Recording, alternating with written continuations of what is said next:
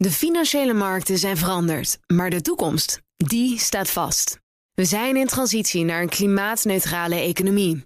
Dit biedt een van de grootste investeringskansen van onze generatie.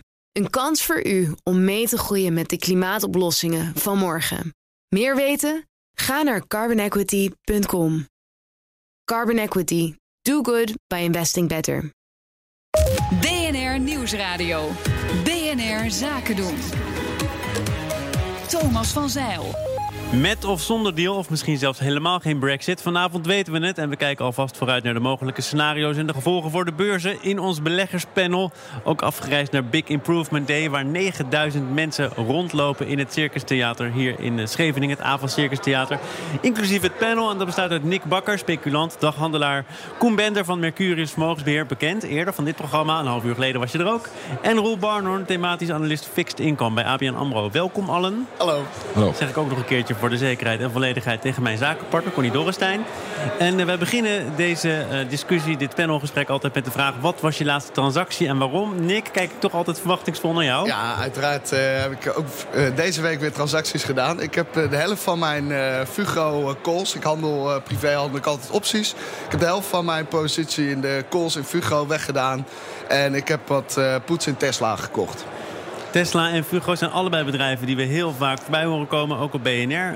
Kun je nog even schetsen hoe Fugro er nou voor staat? Want dat uh, je scheidt de, de geesten eigenlijk. Ja, goed. Uh, eh, ABN AMRO schrijft dat ze, dat ze met een emissie moeten komen. Uh, balanstechnisch zou dat inderdaad kunnen. Maar de vraag is of dat ook gaat gebeuren. En uh, nou goed, ik vond die, die, die 8 euro die we vorige week gezien hebben... of twee weken geleden gezien hebben... vond ik gewoon zwaar overdreven. Want het komt van 12, 11... Dus ik, uh, ik, had, ik, ik, speculeerde eigenlijk op een, op een reboundje en die kwam ook. En uh, nou, het leuke van opties is dat als je dan de helft eruit doet... dan uh, heb je eigenlijk al winst staan en met de rest kun je door laten lopen. En als dat dan echt doorzet, zo'n herstel, ja, dan kan je een leuke winst pakken. Ja. Moet ik jou nog vragen om een reactie op de Fugro ABN AMRO rapport? Dat lijkt me niet. Lijkt jou niet. kan ik jou wel vragen naar een transactie? Ja, ik ben thematische belegger of stratege voor fixed income. Daar beleg je niet zo actief. echt overtuigend moet je doen. Vorig jaar waren het uh, vier transacties. En de laatste transactie was uh, emerging markets. En met het uh, situatie op dit moment met afzwakkende groei in Amerika... krijgen we natuurlijk de winstcijfers. Hebben we high yield afgebouwd. Waar we overwogen waren, die zijn we onderwogen. En emerging markets, opkomende markten, zijn overwogen. En het gaat dan om, om vier transacties per jaar. En dat hou je vol in 2019? Of denk je, het gaat toch wat grilliger, wat volatieler worden? Misschien dat we ook wat meer transacties gaan doen? Nou, het is niet uh, wat wij als opportunity zien in de markt. Het gaat ook uh, naar de groei van de economieën en wat de centrale banken gaan doen. Uh, ABN AMRO heeft deze week de verwachtingen voor de Fed rate hikes teruggebracht naar nul. We hadden er eerst begin 2018 al de drie staan. Ja. toen twee langzaam af. we hebben nu alles gehad. ook naar Powell. Daar komt het op neer. die nemen we zeker mee. en ook inflatieverwachtingen nemen af. Groeiverwachtingen nemen af. Dus uh, als de rente op dit niveau of lager gaat zitten... dan moet je goed gepositioneerd zijn, goed gespreid zijn... en niet alleen maar risico zijn. En ook bij de ECB hebben de rentes ver tot 2020 uh, neergezet. Wij komen nog te spreken over centrale bankiers, over de FED. Koen, uh, transacties? Uh, ja, we hebben vorige week een uh, nieuwe lood aan de boom toegevoegd. En uh, we beleggen relatief veel in, in houtse maatschappijen. Dus holdings, onder andere jullie moeder, Hal. Dat geeft ons een prachtige manier om te beleggen in beursgenoteerde bedrijven. Maar ook in, in private equity, zoals Nederland bekend Coolblue. En in dat kader hebben we de oversteek naar de Nordics gemaakt. We hebben Investor AB toegevoegd aan de portefeuille van de familie Wallenberg. En die zijn onder andere uh, eigenaar voor een klein deel dan van AstraZeneca, van uh, een, een uh, Atlas Copok zit er in, Ericsson zit in de portefeuille, maar ook ABB, en een heleboel bedrijven die niet beursgenoteerd zijn. Zoals hotelketentjes, wat kleinere financiële instellingen. Ja, ja de Grand, het grote mooie hotel van Stockholm ja. is eigendom van, uh, van de familie. Uh, maar goed, zo hebben ze ook andere, andere posities. En dat, het fijne is dat die families vaak een, echt een hele lange horizon hebben. En dat dat ook in het resultaat uh, naar voren komt. Dus Connie, vandaar, uh... ik heb onthouden dat jij vooral in je eigen bedrijf belegt. Maar je hebt toch wel nee, zelfs meegeschreven. Nou, ik heb uh, gisteren nog een transactie gedaan. Zo? Eh, ja, eh, iets heel leuks. Eh, Frank Appeldoorn, een bekende VC in Nederland in de fintech scene... die heeft wat mensen om zich heen verzameld en die is een soort coöperatie begonnen. Arches Capital. En het is eigenlijk heel leuk. Dan beleg je wel direct in het bedrijf. Maar zij zorgen voor de hele due diligence, het aanbrengen, het pitchen... het afwikkelen, alle papierwerk. Het is niet zo Dus- moeilijk meer. Dus het Je is niet zo leuk moeilijk meer. En weet je, mensen die gewoon eh, op, op best wel, wel wat aardig eh, wat centjes zelf zitten, daar hoor ik dan niet bij, want die doen andere dingen. Maar die kunnen op die manier leuk meekijken. En het leuke is, je hebt al die ontmoetingen. Dus ze leren ook wat over al die tech- en fintech-bedrijven. Dus eh, het is wat langere termijn, maar ik vind het heel erg leuk om mee te doen. Dus ik ben founding father geworden als vrouw. Vind Dat ik is helemaal mooi. leuk. Founding mother, founding father. Wij gaan praten over Heineken. Want na een serie van afwaarderingen door analisten... verloor het aandeel gisteren ruim 3% Er is daar van alles aan de hand. Wie kan mij uitleggen wat precies? Nou, het gerucht gaat dat, eh, dat Heineken rondje analisten aan het bellen is. Ja, Ik bedoel, dat heeft eh, eh, Corné van Zijl ook op Twitter heeft- eh, ja. bekendgemaakt. Corné hè? van Zijl twitterde dat ook. En eh, nou, dat gerucht heb ik ook wel van meerdere, niet alleen van Corné gehoord.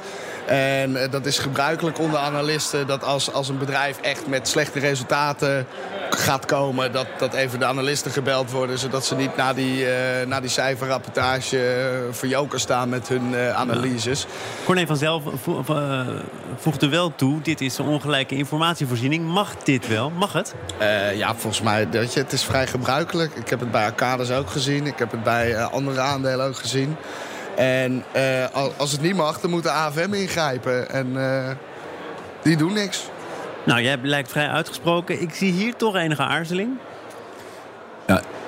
Ik vind, eh, volgens mij heb je beursregels. En eh, informatie moet voor de beurs eh, gepubliceerd worden. En ook als het een winstwaarschuwing is. Maar ik Maar kan als er het, verder als, het heel zeggen. vaak, als het heel vaak gebeurt en de AFM laat dit dan toe, oogluikend of omdat het echt mag, ehm, dan is het kennelijk al usance, dan is het gebruikelijk. Nou, het is vrij gebruikelijk dat, het, dat dit soort dingen gebeuren, ja. Dat er Ja, even een analist handel- gebeurd wordt. Of Handel met er- voorkennis was vroeger ook gebruikelijk. Dat mag ook niet meer. Nee. Ik, eh, ja, ik, ik eh, schaar me dan in het kamp van Roel. Eh, Er moet gelijkheid van informatie zijn voor alle beleggers. En als Heineken dat heeft afgedekt in dit verhaal... dan denk ik dat het oké is. Maar als ze één voor één analisten gaan bellen... dan vraag ik me af hoe ze dat doen. Nou, daar ben ik ook wel voor gelijkheid van informatie. Ik vind ook dat alle beleggers gelijke informatie horen te krijgen. Maar de wereld is nou eenmaal niet fair en gelijk en eerlijk. Ik bedoel, Warren Buffett krijgt ook deals met Goldman... die geen van ons hier aan tafel zou krijgen. En die, die krijgt dat ook gewoon rond. Nou, hij heeft ook iets meer geld dan wij aan tafel. Ja, precies. Maar dat zou in ieder geval niet mogen uitmaken als je het hebt over informatievoorziening. Dan zou jij op gelijke voet Nee, staan kijk, met het Warren enige, Buffett. wat mij, eh, eh, eh, zover ik weet, het enige verschil wat Buffett heeft, is dat hij het niet direct hoeft te melden. En dat heeft wel een hele goede reden. Dat is namelijk als Buffett iets doet, dan beweegt het de markt. En dan heb je heel veel mensen die hem, allemaal copycats, die hem gaan lopen kopiëren. En hij wil in alle rust zijn belang kunnen opbouwen zonder dat dat de markt verstoort. En daardoor mag hij het later melden. Maar dat is volgens mij de enige uitzondering is die er is in gelijkheid van informatie. Er wordt kennelijk nu gebeld met analisten om ervoor te zorgen dat de schok zo meteen wat minder aankomt. Waarom is er zoveel slecht nieuws over Heineken? Ik begrijp, aluminium wordt duurder, daardoor ook het blikje. Gerst wordt duurder. En dat kun je niet in Europa allemaal doorrekenen... omdat je dan de concurrentiestrijd verliest, kort samengevat? Ja, je, mist één onderdeel wel. En dat is dat ze een paar jaar geleden hebben ze een grote overname in, eh, in Mexico gedaan. Eh, daar hebben ze eh FEMSA gekocht. En onderdeel daarvan is de Oxo-deal. En Oxo is een supermarktketen in, eh, in, in Mexico. Een hele grote supermarktketen. En eh, ja, wij van WC contract. Eend verkopen alleen maar Heineken in de Ja. eh, dingen. En een aflopend contract. Ja, en dat eh, was een hele belangrijke winstdrijver. En eh, als die kopje ondergaat, dan... ja. Maar dat is nog niet helemaal gezegd, toch? Want die familie zit ook in Heineken, maar die heeft het belang laten verwateren... waardoor er wordt gespeculeerd dat zij voor een volgende leverancier van die supermarktketen... niet per se meer voor Heineken kiezen. Oh, Nee, ja, dat klopt. En eh, kijk, er staan ook andere eh, positieve dingen tegenover... waar misschien heel snel overheen wordt gestapt. En ik denk dat 0.0 een heel goed, eh, goed eh, eh, succes is eh, in Europa. Dat hebben ze nu ook gelanceerd in, in, eh, in de Verenigde Staten. Ehm, maar ja, of dat snel en, en hard genoeg komt om eh, de andere tegenvallers op te vangen... dat is dus maar helemaal de vraag. Ja. Dan wil ik naar een eh, tegenvaller die nauwelijks nog valt op te vangen. Ook omdat we niet weten hoe die tegenvaller er precies uit gaat zien. Maar de Brexit-stemming, daar is al veel over gezegd. Maar niet door jullie. Roel, wat wil jij nog toevoegen aan deze discussie over het belang van deze dag? Nou, belang is natuurlijk wel erg belangrijk. Alleen we moeten heel goed duidelijk weten wat de procedures zijn. Op dit moment uh, ligt er een voorstel om uh, met de Europese Unie een deal te doen. Ze kunnen tot gisteravond kon men daar amendments aan, uh, aan toeleggen. Op die amendments kan de speaker kan er zes nemen. En ja. een van die belangrijkste amendments is gewoon dat er een no deal not done is. Dus het gaat voor de brexit of je gaat eruit. Maar er moet een deal zijn. En dat zijn eigenlijk de twee keuzes die er zijn. op dit moment gaan we eruit van dat er eigenlijk geen brexit is. Want dat is eigenlijk de beste optie. En als je de stemmen telt, zijn dat de, de supportive.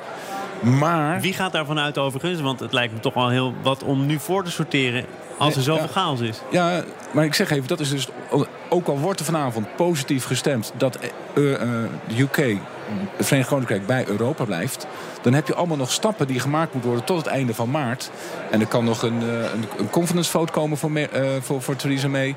Nou, wordt gezegd dat ze dat wel gaat halen. Uh, dat ze dat gaat halen. Maar het zijn allemaal van dat unknowns die nog gaan komen. Dus je weet wat een soort domino-effect is. En dat moet je allemaal doorgaan voordat je tot eindelijk het resultaat is. Dus als je mij gaat vragen, waar gok je op? Nou, het is geen gok. Het is een procedure die moet afgaan. En nou, als er bijvoorbeeld nog een... ABN denkt dat er nog een referendum komt. Maar het is ook niet zo eenvoudig. Wat moet in de wet vastgelegd worden? Precies hoe de vragen gesteld worden. Wie dat gaat betalen. Er komt zoveel los. En we zijn er nog lang niet uit. De komende twee maanden is dit nog steeds een hot topic. Maar waar, waar, het vandaag leuk wordt om naar te kijken is dus wat de speaker gaat kiezen. Net als in eh, Amerika heeft de speaker een enorme prominente rol in, uh, in de politiek in Engeland. En dat wordt gewoon voor het spektakel wordt ook wel erg. Ja, jij zet de BBC aan geloof ik hè? Ik ga de BBC aanzetten. Ik ga enorm genieten. Voorbeschouwing, debat zelf, Met heel veel buikpijn, alles. ja. Koen, is hier nou nog iets te zeggen over hoe beleggers hierop moeten reageren? Of is het allemaal nee. ingeprijsd? Kan natuurlijk ook, hè? Nou, dat denk ik niet, want er is zoveel onzekerheid, zoals Roel net al uh, zegt. Uh, uh, er kwam net een, een, een, advies ook van een grote bank, ik geloof dat het JP Morgan was... met, goh, er kunnen zulke heftige swings gaan optreden de komende periode... dat ehm, je het beste maar geen positie kan hebben. Want dit kan heel, heel heftig gaan worden.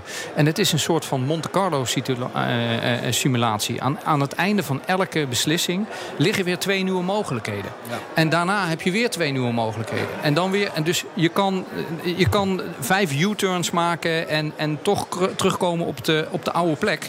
He, zoals we nu opeens weer een discussie hebben dat er helemaal geen brexit zal zijn. Ja, dan is het de, de oude plek. Hebben we een paar miljard met z'n allen verbrand. Met dank aan, aan de wijze van alle politici om dit eh, ter stemming te brengen. En dan, uh, ja, dan kunnen we uiteindelijk weer door met business as usual. Maar nou, we weten nou, het niet. Dat denk ik niet. Want nee. ik denk wel dat het een redelijke kras is op het uh, politieke establishment. En dat hij nog meer verdeeld is. We hebben in Europa natuurlijk al partijen, uh, drie, vier partijen. En er zijn er nou gewoon tien geloof ik in Nederland.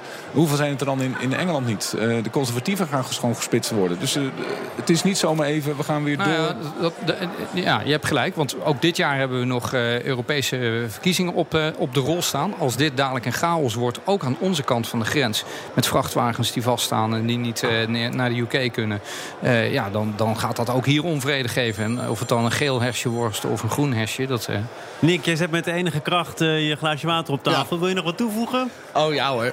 kijk, het opvallende aan die, aan die hele brexit is... en dat zie je eigenlijk overal in Europa... en dat zie je eigenlijk de laatste twintig jaar al... is dat de bevolking... Er is een technologische re revolutie geweest, het internet. De bevolking wil meer inspraak. Dat zie je overal in Europa. Mensen willen referenda. En vervolgens uh, uh, krijgen we een referendum. Wordt de bevolking uh, gevraagd, nou wat vinden jullie ervan? En uiteindelijk, weet je, politici doen er niks mee. Dat is met het EU-referendum in Nederland gebeurd. Met het Oekraïne-referendum, Brexit-referendum. Je kan niet zeggen dat het referendum door de Britten niet serieus genomen is. Ze zijn er al 2,5 jaar over in gesprek. Nou ja, in, wat, wat is nou in gesprek? Er wordt geen actie ondernomen. Nou ja, de, en in principe de, de, de generatie van het internet wilde ook geen actie, want die wilde lief. Nou ja, dat, is, dat, dat is wat, wat, de media vertelt. Maar dat is wat ik ah, mijn, in mijn omgeving heel anders ervaar. Vanaf de Big Improvement Day in het AVAS Circus Theater in Scheveningen. De sessies staan hier op het punt van beginnen. Dus u hoort een muziekje waarop het lijkt alsof we in de musical van The Lion King zitten. Maar u gaat vooral luisteren naar Nick Bakker, speculant. Koen Bender van Mercurius Vermogensbeheer en Roel Barnhorn, thematisch analist Fixed Income bij ABN AMRO. Zij vormen samen het beleggerspanel. En uh, nog altijd hier is mijn zakenpartner van vandaag, Connie Dorrestein. Ja, beleggerspanel, dan moeten we het natuurlijk ook hebben over de start van het cijferseizoen. Cijfers, cijfers beginnen een beetje binnen te druppelen. Waar gaan jullie nou in het bijzonder op letten? Ik ga bijzonder opletten op uh, de algemene trend. Dus uh, we hebben Citibank gisteren gehad, vandaag uh, de banken. hoe de banken boven, overeind kunnen blijven met, met cijfers, met name met de financiële markten. we hebben gezien dat fixed income, mijn gedeelte, dat Citibank daar geen goede resultaten heeft. Eigenlijk negatieve resultaten. kijken naar dit jaar zien we daar wel een, een trend in komen dat fixed income gesupport wordt. Omdat ABN AMRO verwacht geen fat rate hike. misschien nog wat meer support-elementen... dat de financiële tightening die er was, de verkrapping... dat dat weer uh, wat, wat breder gaat worden. Dus, is dat nou een goed teken of niet? Want als je zegt, we blijven toch dat ruime monetaire beleid nu doorzetten... dan heb je kennelijk niet voldoende vertrouwen in de economie. Ja, het zijn compenserende vaten. Hè. Uh, de, de, wereldgroei neemt af. We zijn al elf jaar bezig met een enorme boost in de groei. Die is nog nooit zo goed geweest. Er komt een eind aan. We moeten daar herpositioneren. We verwachten niet een recessie, maar wel dat er een afname is, een afkoeling is van de wereldeconomie. En met een shutdown, daar gaan we het waarschijnlijk zo direct nog over hebben... en een aantal andere politieke elementen die verstorend zijn... moet de, de, de Federal Reserve en de ECB actief blijven in het support van Ondanks eerdere toezeggingen of beloftes of uitspraken over renteverhogingen, afbouw, afbouw van programma's. Het staat allemaal weer ter discussie. Kennelijk omdat de financiële markten daar onrustig van worden. Nou, de financiële markten worden onrustig omdat er groeivertraging is. En daardoor ook de winstgevendheid van bedrijven wordt de vraagtekens bijgesteld. En uh, dat hebben we gezien in december. Nick, cijferseizoen. Ja. ja, ik heb er heel veel zin in. Vooral de Amerikaanse, Amerikaanse techfondsen ga ik naar kijken.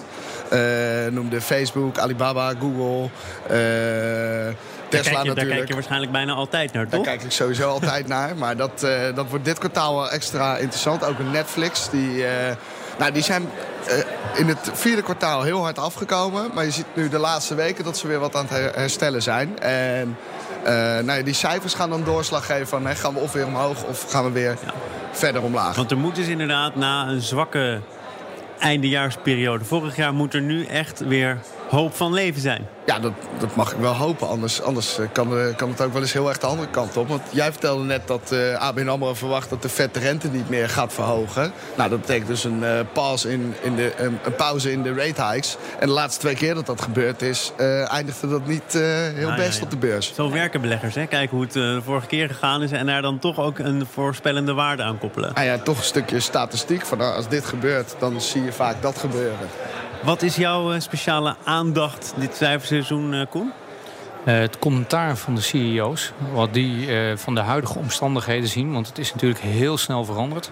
Die shutdown gaat, uh, gaat daar hebben we het zo nog over, maar dat, dat gaat impact hebben. we zien nu ook de eerste cijfers langskomen. JP Morgan is net met cijfers geweest, die waren beneden verwachting. En wat dezelfde problemen als Citigroup, wat jij net aanhaalde, Roel. Dus ook in hun handelsvolume een stuk minder. En Sejan Detail, ze reserveren meer dan verwacht was voor slechte kredieten, voor kredietverliezen. Dus zij zien dat er meer bedrijven in de problemen zullen komen. En dat is ook niet zo heel erg gek als je naar kijkt naar de huidige omstandigheden... waarbij de overheid dicht is. Uh, maar goed, dus heel erg belangrijk zal zijn... wat is de outlook van bedrijven? Ik denk dat je ook een onderscheid kan gaan maken... tussen bedrijven die een zware handelsrelatie met China hebben... en bedrijven die uh, eigenlijk heel erg op de lokale markt georiënteerd zijn. Daar zal een duidelijk verschil in China wordt een ideaal excuus voor bedrijven die het niet goed doen. Die kunnen ja, dat is het al, dat, dat zoeken we altijd. We zoeken altijd een reden om te zeggen waarom we met prestaties uh, achterblijven. En dat doen uh, CEO's ook. Dat doen kinderen op de kleuterschool ook. Ze hebben het nooit zelf gedaan. Roel, kennelijk kunnen jullie allemaal niet wachten om het over die shutdown te hebben. En daar kunnen we het ook over hebben, omdat die maar blijft voortduren. Het is nu de langslopende shutdown ooit, geloof ik. Wanneer worden er concessies gedaan en door wie? Nou, dit is, ik denk dat de vraagstelling wel heel, heel direct is. We zien hier een heel duidelijke dealmaker, Trump... Uh, die een ego heeft, die niet te temmen is. Uh, Af en toe komt hij met een konijn uit de hoek. Maar hij heeft zich nu zelf zo in de hoek gedreven. Hij heeft die shutdown. Hij wil die wall krijgen.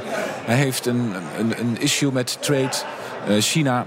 Hij probeert ook Noord-Korea nog aan te lijnen. Hij zit ook in het Midden-Oosten. Dus hij heeft eigenlijk volgens mij op het schaakbord heeft hij met te veel schaakspelers te maken. En volgens mij kan het niet zo, niet zo zijn dat dit doorgaat. Uh, ja, het gaat wel door. Dus... Nee, maar we hebben het over de ondernemers. Ondernemersvertrouwen. Het, het schaadt ook ondernemersvertrouwen. We hebben dit in, uh, de, de, de, nummers die ik net noemde, heeft te maken met productie. Hè, de industrie. Die maken altijd uh, forward-looking cijfers, hè, de CEO's. Als dat doordruppelt naar de consumenten, die gaan het ook raken. Dan raak je dus heel snel naar een recessionary scenario. En daar daarvoor moet het niet meer lang duren. Want we hoorden net al, uh, het zijn ook consumenten die geraakt worden met de shutdown. Ja. ja, dus je moet het ook eigenlijk wat breder zien dan die ambtenaren die thuis zitten, die niet betaald worden. Dit is een olievlek.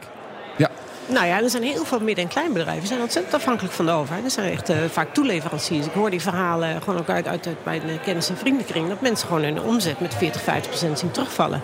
En ik denk dat het grote probleem blijft gewoon toch de factor Trump. Want natuurlijk, die wil ook altijd goede groeicijfers laten zien. Goede bedrijfscijfers. Zijn hele politiek is erop gestoeld.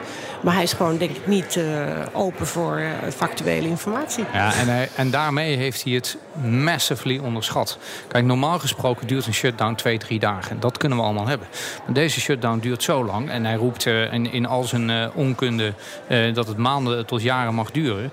Delta Airlines deze maand 25 miljoen dollar minder omzet uit alleen al overheidsdienaren die niet meer aan het reizen zijn. Dan hebben we het nog niet gehad over de impact van de douanepersoneel. Dat, zich, dat geen salaris krijgt, dat zich massaal heeft ziek gemeld.